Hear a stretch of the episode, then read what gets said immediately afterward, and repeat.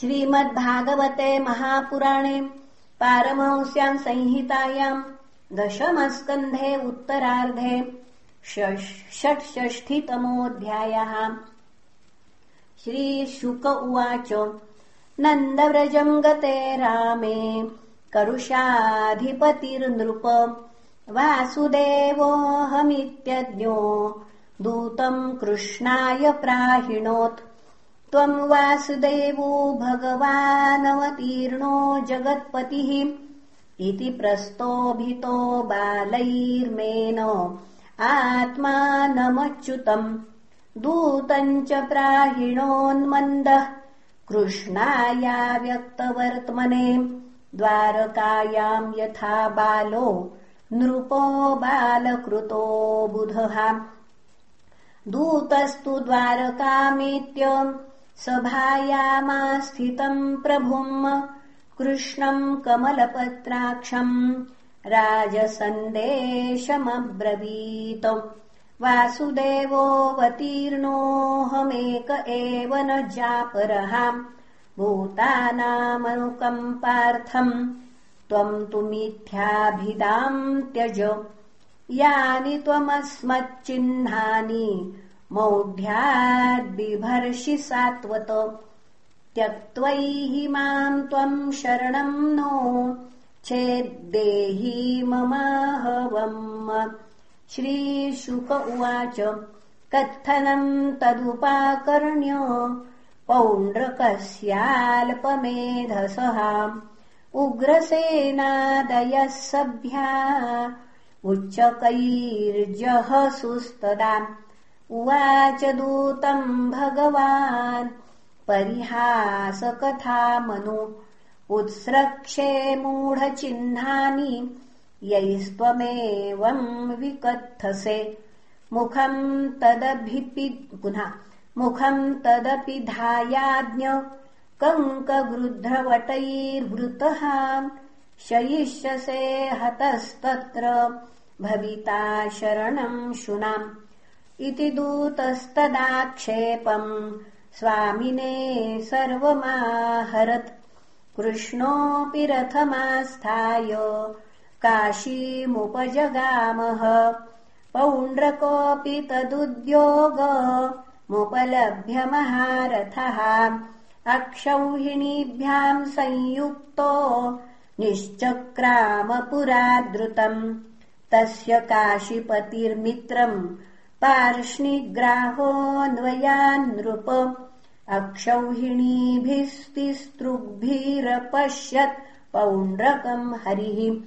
शङ्खार्यसि गदाशारम् श्रीवत्साद्युपलक्षितम् बिभ्राणम् कौस्तुभमणिम् वनमाला विभूषितम् कौशेयवाससी पीते वसानम् गरुडध्वजम् अमूल्यमौल्याभरणम् स्फुरन्मकरकुण्डलम् दृष्ट्वा तमात्मनस्तुल्यवेषम् कृत्रिममास्थितम् यथा नटम् रङ्गगतम् विजहासभृशम् हरिः शूलैर्गदाभिः परिघैः शक्तृष्टि प्रासतोमरैः असिभिः पट्टिशैर्बाणैः प्राहरन्नरयो हरिम्।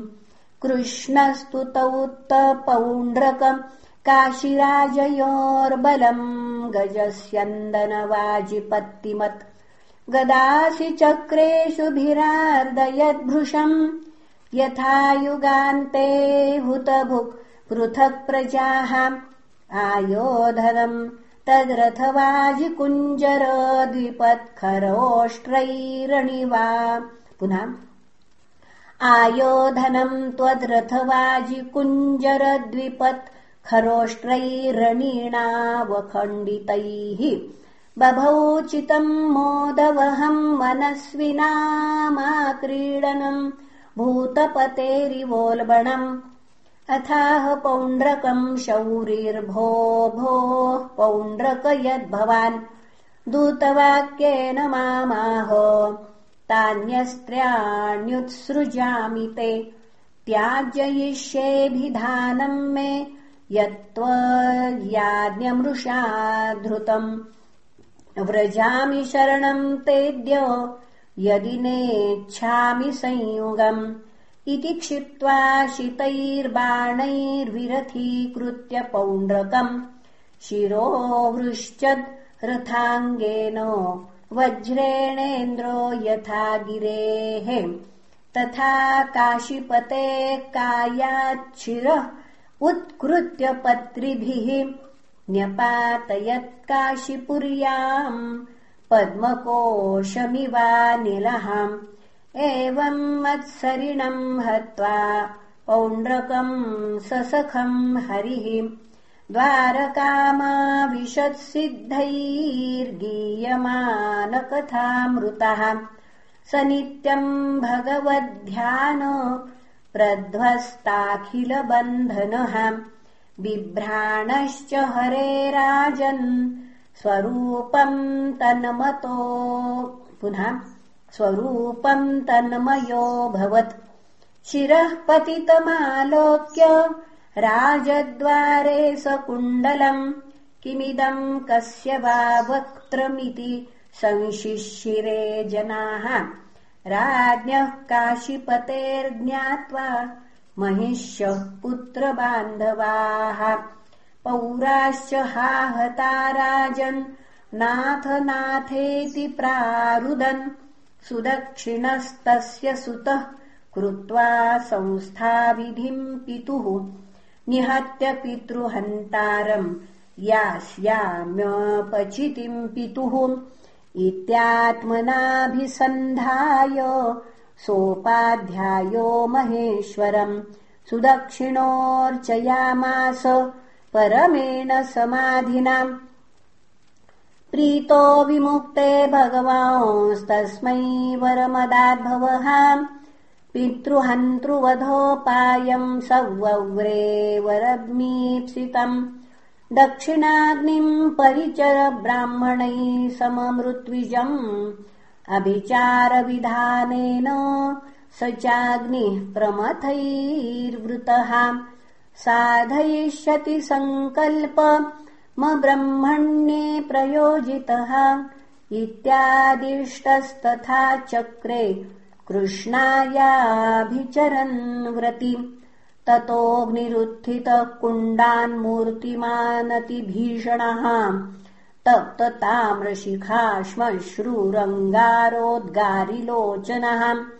दंष्ट्रोग्रभ्रुकुटी दण्डकठोरास्य स्वजिह्वयाम् आलिहन् सुरुक्विणी नग्नो विधुन्वन् स्त्रिशिखम् ज्वलन् पद्भ्याम् तालुप्रमाणाभ्याम् कम्पयन्नवनीतलम् सोऽभ्यधावद्वृतो भूतैर्द्वारकाम् प्रदहन् दिशः तमाभिचारदहनमायान्तम् द्वारकौकसहाम् विलोक्य तत्र सुः सर्वे वनदाहे मृगा यथा अक्षयी सभायाम् क्रीडन्तम् भगवन्तम् भयातुराः त्राहि त्राहि त्रिलोकेश वह्ने प्रदहतः पुरम्। श्रुत्वा तज्जनवैक्लव्यम् दृष्ट्वा स्वानाम् च साध्वसम्। शरण्यः सम्प्रहस्याहो मा भैष्ठेत्यवितास्म्यहम्। सर्वस्यान्तर्बहिः साक्षि कृत्याम् माहेश्वरीम् विभुः। विज्ञाय तद्विघातार्थम् पार्श्वस्थम् चक्रमादिशत् ततः सूर्यकोटि पुनः ततः सूर्यकोटिप्रतिमम् सुदर्शनम् जाज्वल्यमानम् प्रलयानलप्रभम् स्वतेजसाखम् ककुभोऽथ रोदसी चक्रम् मुकुन्दाश्रमथाग्निमार्दयत्। कृत्यानलः प्रतिहतः स रथाङ्गपाणेरत्स्रौजसा स नृपमभग्नमुखो निवृत्तः। वाराणसीम् परिसमेत्य सुदक्षिणन्तन् सर्त्विज्जनम् समदहत् स्वकृतोऽभिचारः चक्रम् च विष्णोस्तदनुप्रविष्टम्। वाराणसीम् साट्ट सभालयापणाम्। स गोपुराट्टालककोष्ठसङ्कुलाम् सकोशहस्त्यश्वरथान्न शालाम्। दग्धा वाराणसीम् सर्वाम्। विष्णोश्चक्रम् सुदर्शनम् भूयः पार्श्वमुपातिष्ठत्। कृष्णस्याक्लिष्टकर्मणः। य एतच्छ्रावयेन्मर्त्यो उत्तमश्लोकविक्रमम्। समाहितो वा शृणुयात्। सर्वपापैः प्रमुच्यते।